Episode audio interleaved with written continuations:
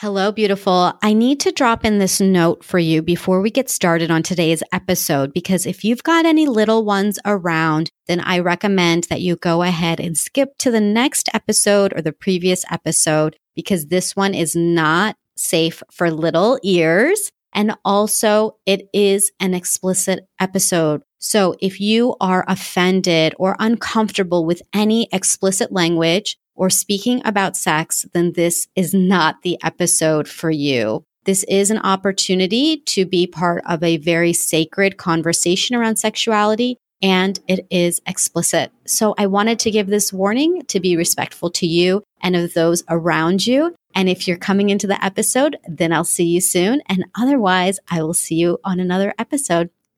Welcome, beautiful, to the Feminine and Fulfilled podcast. I'm your host, Shazia Imam. Our guest for today is Christina Campbell. Christina is a sexuality coach inspired to help women cultivate their authentic sexuality as a means to healing, wholeness, and deep connection. She has healed her own childhood sexual trauma through a multidisciplinary approach, including therapy, energy work, sacred sexual practices, and honest communication.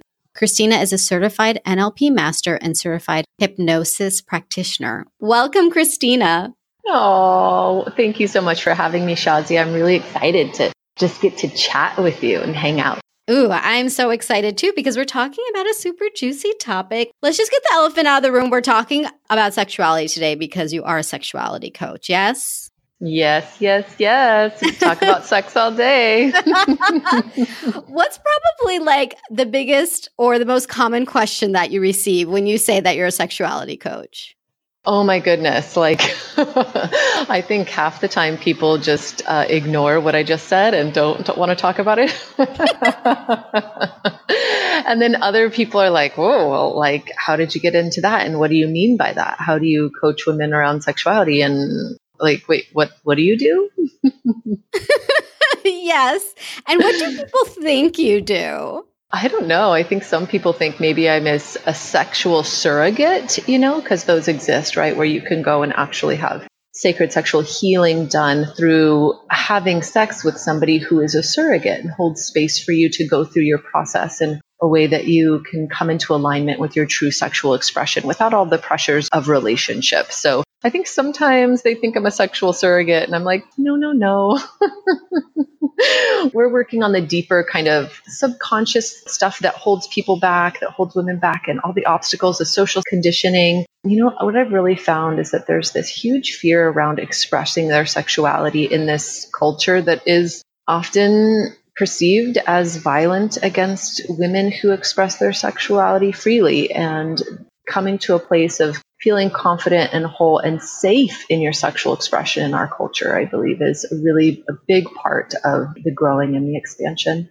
Mm, okay. So give us insight into what you actually do. And then I'd love to dive deeper into, you know, what you've been seeing in terms of, like you said, what society portrays around sexuality and, you know, what is really the reality that women can step into? So, what I do is work individually with women to unlock and unearth really what is holding them back in the bedroom. Because a lot of times women say, like, I just don't have a libido, or, you know, sex has been a chore for a long time. I only have sex because I have to, or my partner will cheat on me, or have been overriding their desires for a long time. Like, I was just speaking with a, a client this morning who is finally in the place of saying, I no longer do what I don't want to do. And so it's like, great, you're not doing what you don't want to do. And we get to validate and celebrate that as a huge win after years of doing things that you don't want to do sexually, overriding your instincts. And then it's like, so now what do you want? What do you really want sexually and sensually and in your relationship? And how do you come to a place where you can clearly communicate that? And so we dive deep into the wants and the desires of the woman because often what I know to be true is that a lot of our sexual education comes from porn and comes from Hollywood. And in both of those containers, both men and women have been shown that women's sexuality functions the same as a man's. And that's just not true. So if you were to think of a concentric circle and we're at the bullseye, a man's sexuality starts right there in his penis, in his groin, in his sexual center. And it moves out from there to the rest of his body and his heart space and his spirit. And a woman's starts on the outside. You could even say it starts outside of her actual body. It starts with flirtation, it starts with energy, it starts with how you're being communicated with, and then it moves into the body gently, and then it culminates and concentrates at the sexual center in the genitals. And so what we've been shown in our society is that you know that it's typical for women to have what's called spontaneous desire where they just have lust right in their groin because, you know, a man has pushed her up against the wall and kissed her for a few seconds and suddenly she's like orgasmic after three minutes. And so what can happen is men expect for women to get turned on that quickly and women also expect that of their bodies and they feel shame and mm. guilt when mm. their body isn't responding that quickly. And so then they override and they just do and act the way that they think that they're supposed to in order to please their partners and to not hurt their partners because men get a lot of their sexual confidence in being able to please a woman. So that's why there is faking orgasms and then men feeling bad if their woman does not reach an orgasm. So there's a lot of re-education around how sexuality actually functions and then giving yourself the space and permission to allow your body to get turned on at the speed and in the way that she wants to individually. Mm. That description of the concentric circles was very interesting because it's almost polar opposites between a man and a woman in terms of the period of getting turned on and how that happens. So I'm so curious. Number one, the biology of that. I mean, that's probably its own discussion. But given that that is the way that men and women were created, what can women do to really connect back to their own sexuality and their own sensuality when they're working in a paradigm where their partner like literally works from the opposite spectrum. Mm-hmm. So there's a lot of re-education, like actually educating your partner. So if you've been in a long-term relationship where you have not been getting your needs met and also not voicing those needs because maybe you didn't even know what they were, and you've just been going along with penetration before you were actually turned on, or you've been faking orgasms, like there's a real clearing conversation that has to happen that's like this is the way that it has been and the truth needs to come out and that i know for me i had to basically go to my partner and say we've been having sex this way for all this time and it no longer mm-hmm. works for me. We have to begin a process of learning a new way of connecting sexually. And my experience that was that like i was just in the wild west you know? My partner it was before like there was a bunch of internet gurus like to support you, you know, or like coaches where it wasn't as easily accessible. And it was really just a sex therapist. And my partner was just like, I'm not going to a sex therapist. I am not going to go into the office and just talk to somebody about sex. And so because it was my desire for our sex life to change, my husband was content because it was my desire for my experience of pleasure and connection and the experience I was having to change. I took that on. I took the learning on and then I brought it to him. And I really had to over and over again give myself permission to have the experience I was having and to not take on his experience. I mean, not that I was like not compassionate to his experience, but just this is what it is. And to not expect every sexual experience to be this orgasmic, amazing, blissful, transcendent experience, but really to just hold space for what happens and allow anything to come up and have this be a place where we're just going to get curious together and we're just going to experiment. What does turn me on? What turns him on? When I get to slow down and really request that we hold space for slowness and connection, I also get to give that to him. And even though he was not desiring anything other than what we were having, he's like, this is great. I always have an orgasm, you know? Mm-hmm. now he's experiencing more, you know, more pleasure because we're slowing down for him too. So the conversation is not what I always tell women is like, this is not about going to your partner and saying, you're not meeting my needs and something has to change, but really I've experienced that there's more. I've come to a knowing that there's more to be experienced in our sexual relationship. And I want to do that with you. I want to experience more let's go on a journey together. Let's open mm. up together. Yeah, because when you were first describing it, it sounded like you have to be really courageous to even be able to say this because I imagine that, you know, for somebody listening, they might feel like, oh my gosh, I don't even know how to broach the subject. But the way you just said it, it's so beautiful and it's inviting. And to me, it sounds so much like being in partnership.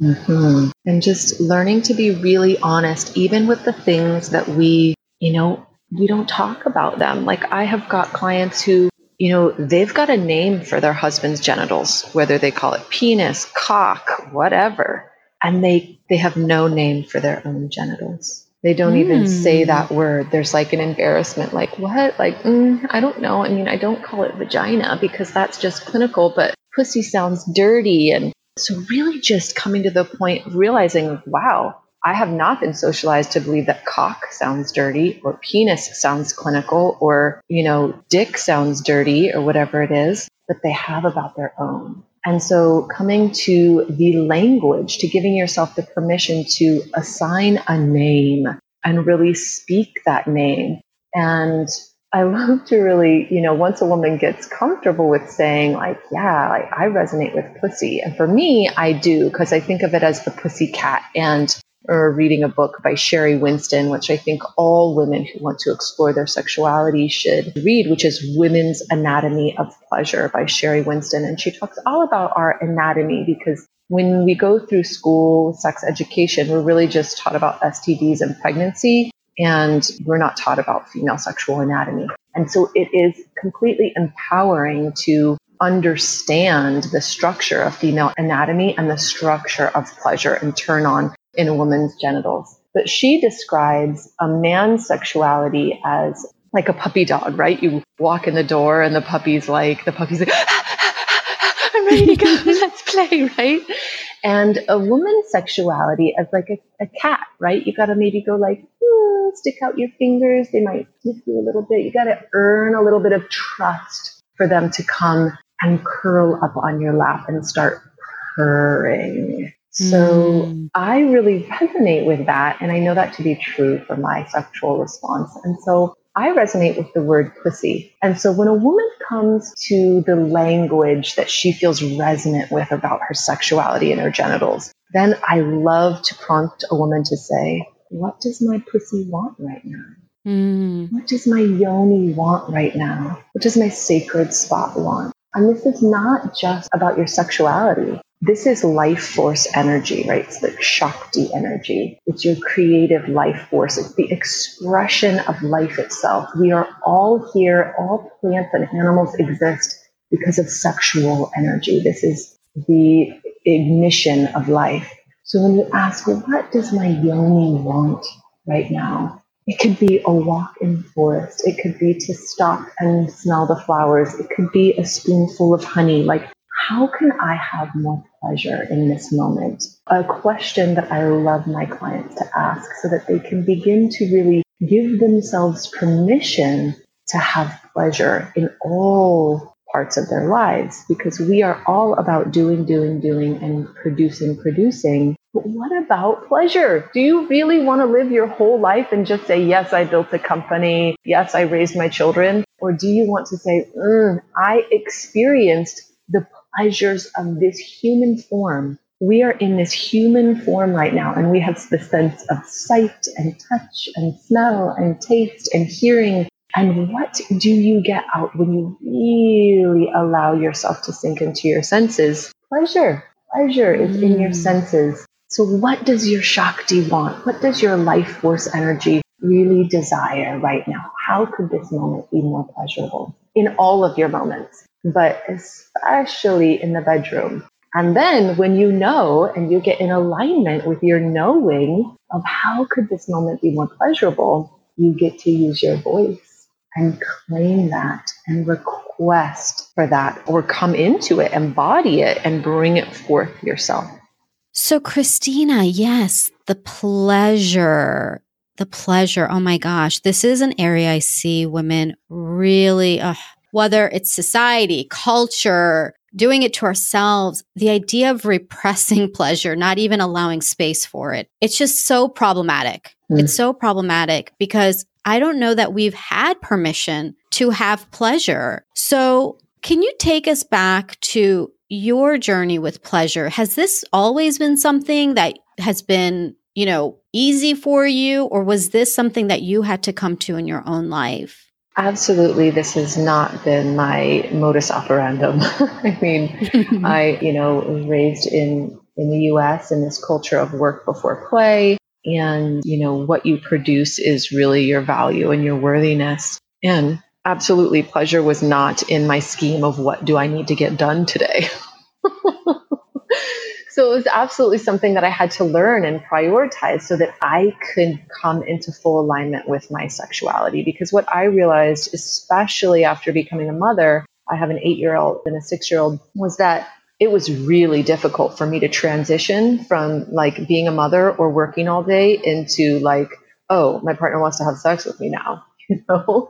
Mm-hmm. So, um, really beginning to cultivate pleasurable experiences all throughout my day was a huge support to me being able to transition more smoothly into sexual connection and opening my body and surrendering into pleasure in the bedroom and not being so stuck up in my head with a to do list. And what were some of those things that you did? So, really small things. So, first, I like to start with women so it's not like something else, like how am I going to fit that in? So, my most favorite suggestion is to slow down in the shower. So, mm. we're all going to take a shower. So, just turn that five minute shower into like an eight minute shower. Don't worry about the water, it'll be just fine. and to really figure out what's the temperature that I really love the most. You know, I used to think that I liked scalding hot, absolutely as hot as possible water. And when I really sensed into my pleasure, I realized that I, I winced away from the water a little bit. And when I turned it down to the right temperature for me, I could just stand there and what does it feel like to allow that water to come over your skin? What does it feel like to slow down and wash yourself, how soft your skin is, how delicious it is to just rub your breasts or your thighs, and really to slow down and feel that touch. Allow yourself to feel how pleasurable it is to truly wash your own hair. And if you just slow down and you find soap and shampoo that really smells super delicious, and you slow down and become present in the moment that this is a moment for you to gift yourself. Mm, such a simple thing that we are doing every single day. Mm-hmm, absolutely. And there's lots of those little ways, you know. Another common theme is just eating too fast and the whole thing around body image and dieting and eating because you don't want to get fat and you know like what do you really want to eat and what really tastes good to you and slowing down to really chew and taste and smell and enjoy and experience pleasure as something that is I mean experience eating as something that's pleasurable and even an erotic experience. So if you really slow down when you're eating, that's another time in your day when you can just click into your pleasure. What do you really want? What tastes good? Slow down and give yourself the permission. And also the permission to eat ice cream. Can we get that permission too? Yes. And what's amazing about that is that if you slow down and you really give yourself the permission to have a treat, ice cream, brownies, whatever, you slow down. And when you give yourself that permission, you don't gorge it and then feel guilty about it and never really taste mm. it because you were eating it so fast. You slow down and you're like, oh, this is so great. And usually what I've found is that I don't eat as much because it's like, oh, I'm good. I'm done. That was wonderful. Wow. I mean, you take something that is so ordinary or what we've made ordinary and you make it extraordinary. Mm, absolutely. And that's like really little things like you know, having really soft blanket on your bed and just saying, oh, this is so soft. I'm just to lay down on it and allow myself to feel the softness of my sheets or this blanket or this pillow or just giving yourself the permission to feel, to sense and just, mm, that's pleasurable. And when you key into that over and over and over again and you don't override it, you can creep into that place so much more smoothly, and your transitions into sexual expression become organic and smooth. Yeah, the feeling and the texture, the senses, and you talked about that earlier too. I mean, we are sensory beings and yet we are constantly going, going, going, going, that we're not at all connected. And these few things you've shared are things that we are doing every single day. They're not taking up additional time. You know, you do have to shower, you do have to eat, you are hopefully sleeping in a bed with, you know, sheets and a good blanket.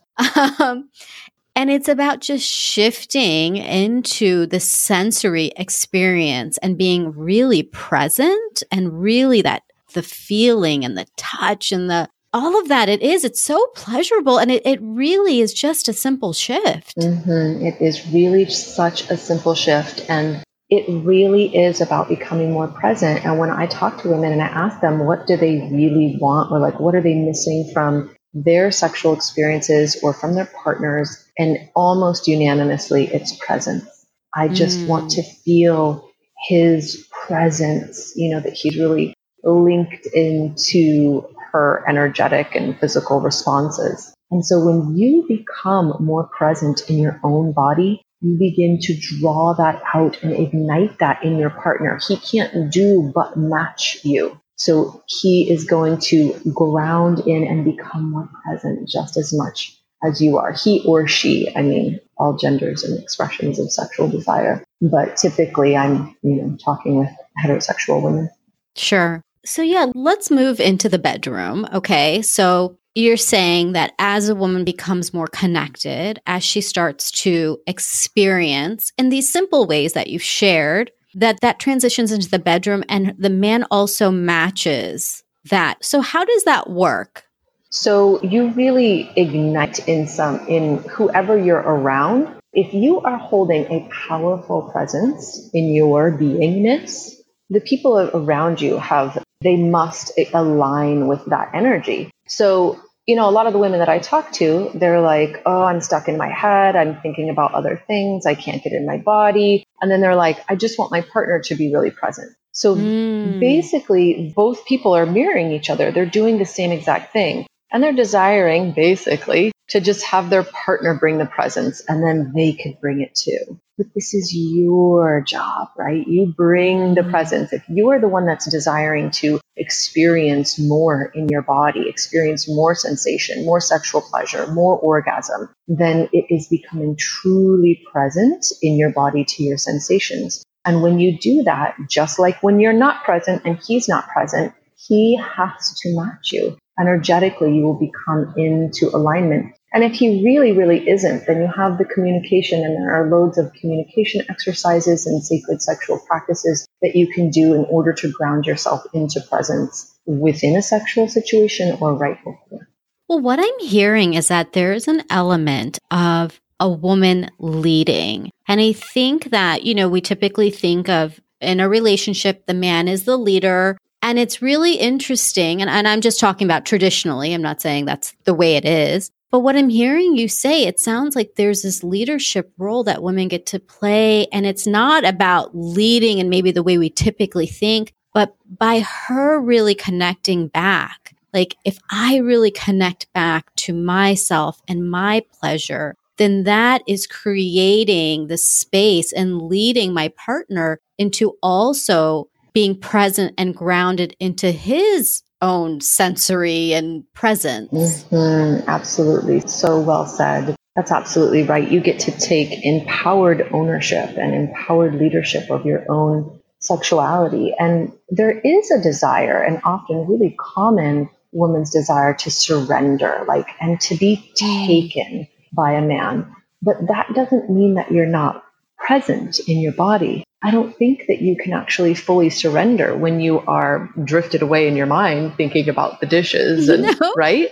You can't. I mean, you're probably like a stiff board. I mean, I imagine like a woman who's like in her head, she's just like lying there stiffly, like, why can't he be present? Why isn't he tender? And it's because like you're freaking stick. Like, like Or even if you're not. Maybe you're moaning and groaning and gyrating the way that you know you know is going to turn him on and get him to come as quickly as possible, so you can mm. be done and go do the laundry. Yeah, and either way, the energy doesn't have a flow mm-hmm. or a softness. I mean, this is the other piece too. It's like this softness that women bring. Again, the power isn't in taking charge, but it's almost like the softer you go, the more surrender you can have of your own self and everything around you. Like I'm actually feeling what we're talking about and I'm not able to really put it into words, but it's just this like pure letting go. Mm-hmm, absolutely. And what really what presence gives you access to is really the deep connection and that deep vulnerability.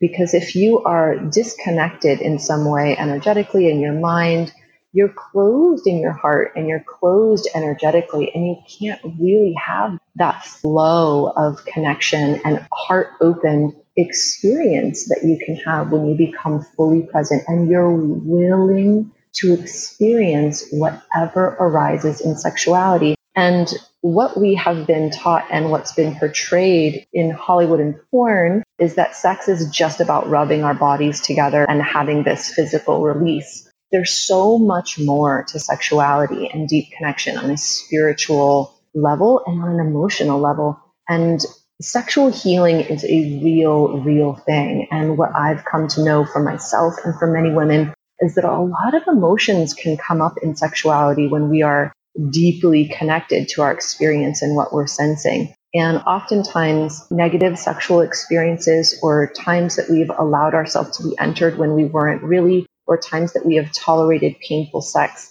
that's all lodged in our genitals, in our womb space, in our vagina. And when we become fully present in our sexual experiences and we allow ourselves to slow down and breathe into maybe a pain or a tight space during penetration, oftentimes that can have this unleashing and rippling effect, not only pleasurably, but also emotionally. And some of my most profound healing experiences have been through holding that sacred space and allowing myself to really cry and really allow whatever emotion is coming up, like a grieving of like a loss of innocence that happened for me in my sexual trauma. And really, like for a long time, I thought that my partner was just not capable of holding that kind of space. So, how could I allow myself to go there if he wasn't capable? But the truth is that he absolutely loves me so much. And whatever were to arise, he's just there for me. And if you, and I hope you do, have a deeply connected, you know, solid, grounded, masculine partner, masculinity is often seen as like a non-emotional, a non-emotion, or they're not given the right to be emotional. But when a man is really truly grounded in his masculinity, he is so powerful to hold the sacred space for the woman to have this unfolding and this more emotionally uh, weighted experience, which is our experience as the difference of the yin and the yang and the masculine and the feminine. And only when a woman allows herself to be, gives herself the permission to access all that is possible in sexuality, only then can a man also show you his ability to hold that really grounded, sacred masculine space. And when that happens, there is such a profound, deep connection between the man and the woman in this or whatever your gender responses is, but just that masculine, feminine expression. And there's a profound heart connection that can happen through that experience. And only is possible when you give yourself the permission to allow all of your emanations of sexuality, which actually includes sexual healing and emotional expression.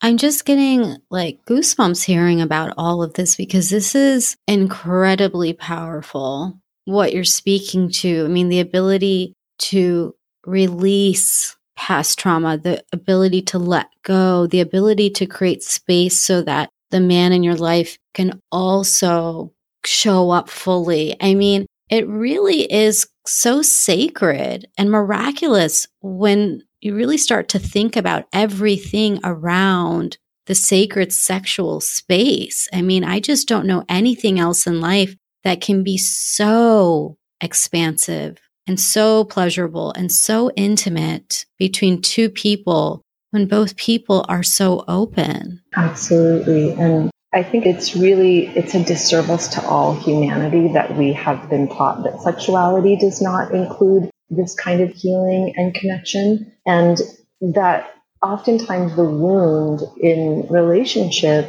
and in feeling dissatisfied sexually comes from this place of not having access complete full access to like the divine feminine and the divine masculine mm-hmm. that's in your partner. And so there's this void, there's this longing, and it's hard to put words to that place that has never been described or portrayed to you. And it's just like, oh, I want something more. I remember for so long, that's what I was telling my partner. I just, I just want more. And he's thinking like, what do you want to do? You want to do anal? You want to do, you know? and it's like, uh, it's not just about physical pleasure. It's not just about having more or bigger or longer lasting orgasms. That's all a wonderful byproduct of being deeply connected to yourself and willing to be fully expressive of what arises in your sexual interaction. So, can you share an example, of course, anonymously, but an example of a woman that you've worked with and where she was before and, you know, where she came to once she was able to really come to her fullness in her sexuality? So, you know, I've worked with a woman who never had an orgasm before. In her life. Right. To okay. a place of being have, able to have an orgasm with a vibrator to being able to have an orgasm manually and then in a partnered situation and then, you know, into these expansive, deeply connected, emotional eh, places like I was just describing. So it is absolutely 100% possible to go from not being orgasmic to the place of fully expressing and experiencing a wide range of sexual pleasure and experiences. And what it really takes is like anything in your life, it takes intention, it takes commitment, and it really takes action. So you have to masturbate. If you have never had an orgasm before, usually women get even more shut down when they're in a partnered situation because they feel the pressure of needing to do it and hurting his feelings if their body doesn't respond that it comes to a place of really beginning to explore your own body. Because in our culture, it is absolutely acceptable for a young man and adolescent to masturbate and explore his pleasure. It's like, oh, Johnny's taking a long shower, he, he, he. But women often don't masturbate or they hide it and feel shameful about it. And so this is a process of really getting to know your own body moving the way that you want to move? What responses do you have? Vocalizing the way that you want to vocalize. I can't even tell you how many women I talk to who feel really held back vocalizing. They're judging their sounds or they're sounding the way that pornography sounds because that's how they're supposed to sound because they've always performed their sexuality in order to feel worthy like they are the best sex this man has ever had and that's how you hook a man. And then you got to keep that mask on because that's how it all started. And so really beginning to explore your own vocalization your own movement not worrying about oh yeah it's going to look hot when i arch my back like that but really coming into your own authentic sexual expression and that often is really nurtured in a solo sexual practice so, what would be the first action that a woman could take who is not feeling in her full sacred sexuality? What's the first, like the first small step that she could take? So, the first small steps I would take are to begin a really loving practice like the one in the shower. Mm-hmm. And incorporating a mantra, like if you're really disconnected from your sexuality, where maybe you are saying, and if you don't feel confident saying it out loud because maybe you have kids or a partner around, but you're repeating in your mind as you wash yourself and really love your body, you're giving love to your body that my sexuality is safe. A lot of women feel that their sexuality is not safe, but their sexuality is pure because a lot of women feel that their sexuality is shameful and that I am a free sexual being. Sexuality is my birthright. And really beginning a process of changing your limiting beliefs. If you are shut down or obstructed in your sexuality, there is a limiting belief. There is some sort of belief around your sexuality that is stopping you from that full expression. So what is it? You know, is it shameful? Is it religion? Is it trauma?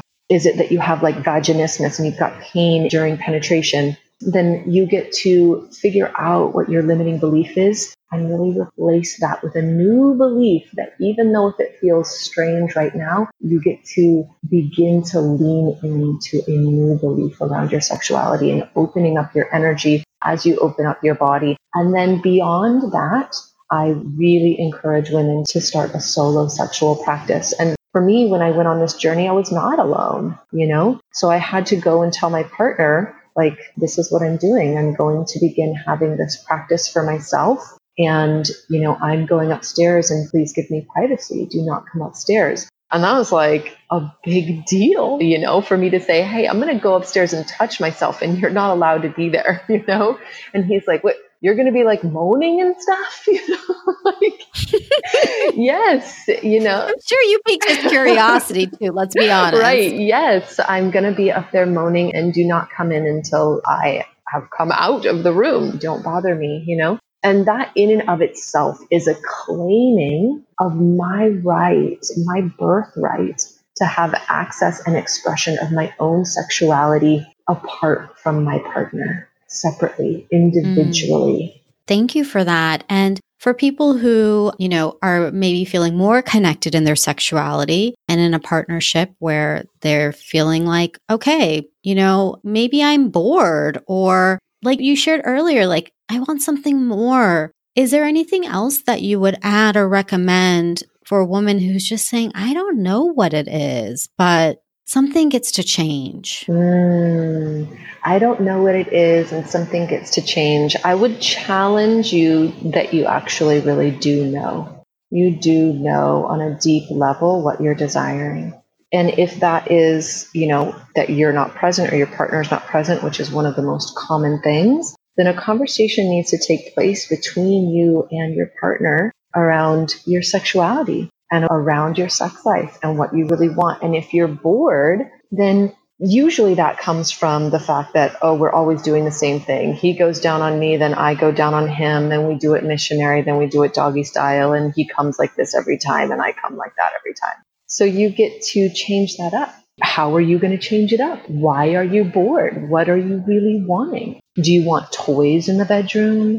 Do you want to watch some pornography? Do you not want to watch some pornography? Have you been going along with something that you don't really want? Do you want to use lingerie? Do you want your partner to like rub you down with some really amazing oil? Do you want to rub yourself with oil and slide all over your partner? Like, let's open our minds to what's possible sexually. Mm. There's so many resources on there about, you know, pussy massage and cock massage. Let's start a conversation around let's explore each other's pleasure. Let's bring you to the height of pleasure and you stop me before you come. And then bring you to the height of pleasure again and stop you before you come. Changing the container of sexuality, we all believe that, like, we've been taught that sex, you do everything you need to do till you get turned on and you orgasm. And when you orgasm, you're done. But we have to change that prescription of what sex is in order to really change the container and become more curious.